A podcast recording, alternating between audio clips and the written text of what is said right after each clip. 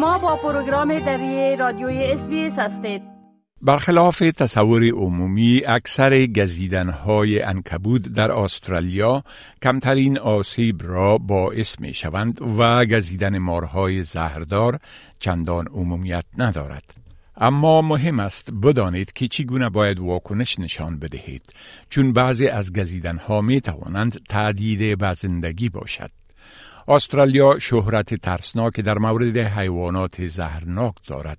اما تا جایی که مسئله انکبوت ها مطرح می شود یک کشور خوشچانسی دانسته می شود دارن رابرتس مدیر طبی مرکز اطلاعات زهرهای نیو ساوت ویلز توضیح می دهد که صرف یک انکبوت که فنل وب نام دارد بیشتر قابل نگرانی است ولی احتمال مردن از نیش انکبوت های دیگر به شمول انکبود پشت سرخ یا ردبک بسیار کم است. We're lucky actually in Australia. There's really only one spider that we're particularly worried about and that's the funnel web. Although there's a lot of talk about redback spiders being toxic, they can cause you to be unwell. The chances of dying or even having severe poisoning requiring hospital admission is very low. So all other spiders in Australia are generally considered to be low or non-toxic.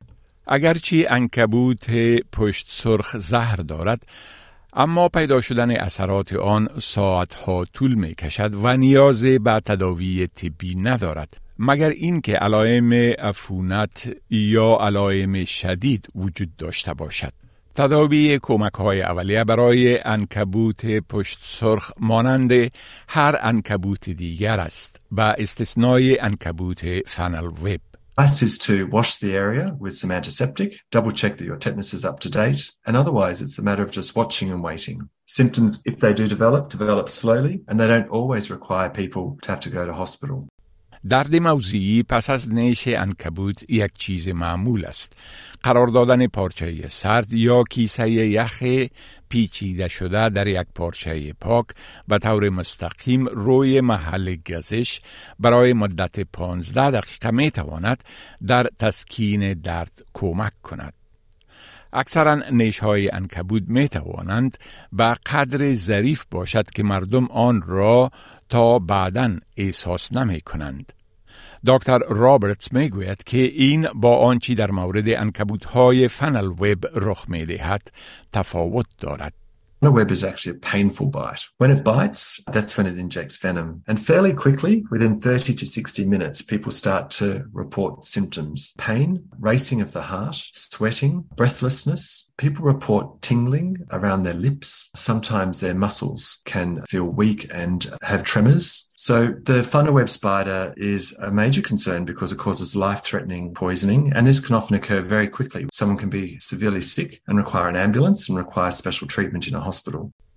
شان فرانسیس دکتری در شعبه کوینزلند رایل فلاینگ دکتر سرویس یک نهاد فراهم کننده غیر انتفاعی حمل و نقل طبی هوایی مراقبت های سیحی و خدمات استراری 24 ساعته در جوامع روستایی و دورافتاده استرالیا است.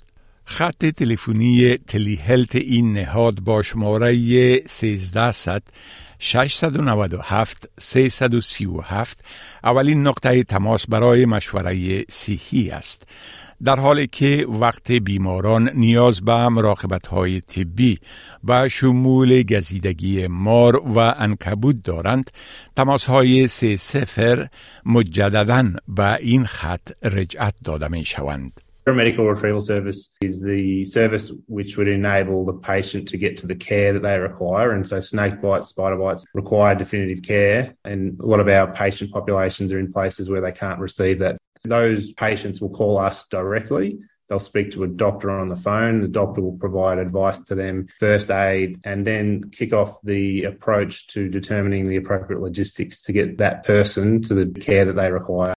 دکتر فرانسیس توضیح می دهد که در مناطق دور افتاده همه مارگزیدگی ها به حیث تزریق زهر در بدن تلقی می شوند. اما در مورد گزیدن انکبوت که بسیار رایج است متخصصین صحی برای تقاضای مداخله به منظور تداوی اول علائم را ارزیابی می کنند. توصیه برای هر گونه گزیدن توسط یک انکبوت بزرگ و سیاه که ممکن مربوط خانواده انکبوت فنل وب باشد یا نباشد این است که آن را به عنوان یک استرار طبی درمان کنید. دکتر رابرت مراحل کمک های اولیه را تشریح کرده و می گوید که اطراف محل گزیدگی باید محکم بسته شود و شخص نش خورده باید تا رسیدن امبولانس بسیار آرام دراز بکشد. What we do is we apply a pressure immobilization bandage that is tied around the bite site and then up and down. It's a bandage. It's not a tourniquet. And the person lies very, very still until the ambulance comes to see them. When someone is bitten by a funnel web, it's best to discourage them from walking around because that may speed up the venom moving around the body. In some areas, the ambulances even have the antivenom because of the importance of giving the antivenom quickly, and they'll take you to hospital. بر اساس آمار مارگزیدگی کشنده عمومیت ندارد. ارقام اخیر نشان می دهند که طور اوسط از اثر هر سه هزار مارگزیدگی سالانه دو مرگ در استرالیا رخ می دهد. بعضی از گزیدنها خشک هستند یعنی مار نیش می زند اما زهر ترشح نمی شود. با این هم هر نیش مار باید احتمالا زهراگین تلقی شود. دکتر فرانسیس سه اقدام ضروری را تشریح می کند. استفاده از نوار فشار عدم تحرک تخت بندی برای به حرکت کردن اندام گزیده شده و زنگ زدن به سه سفر.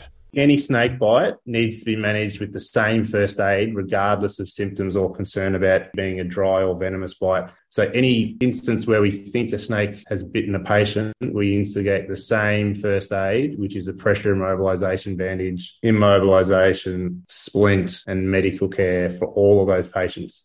جیانی هاجسن یک مارگیر دارای جواز در منطقه روستایی ویکتوریا است.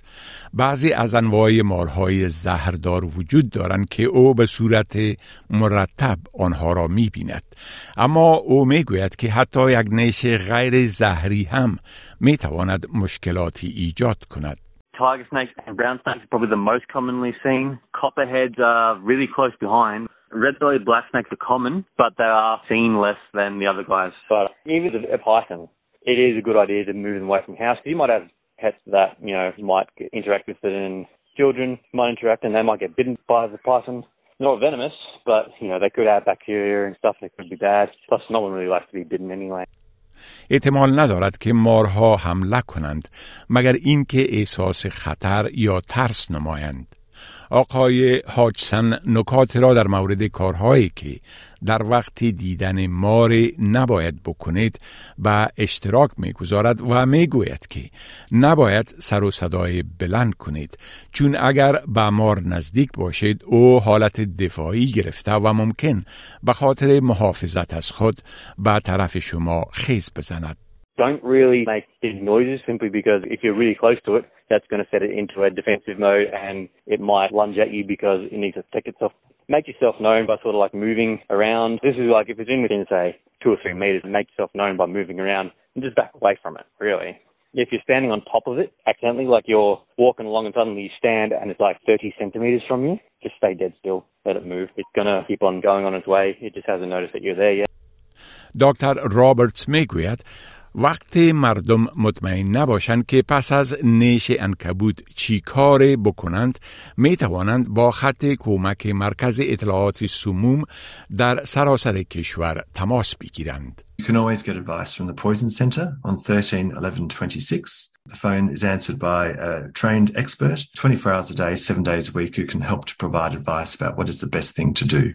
اما به خاطر احتیاط در مورد همه مارگزیدگی ها باید فورا با سه سفر یعنی سفر سفر سفر زنگ بزنید چون مبادا که این یک وضعیت استراری شود. If you with anyone who has been bitten by a snake or spider and they are not themselves, for example, they look like they're confused, they collapse, they have any severe pain or other marked symptoms, don't hesitate. Call triple zero. بپسندید، شریک سازید و نظر دهید. اسپیس دری را در فیسبوک تعقیب کنید.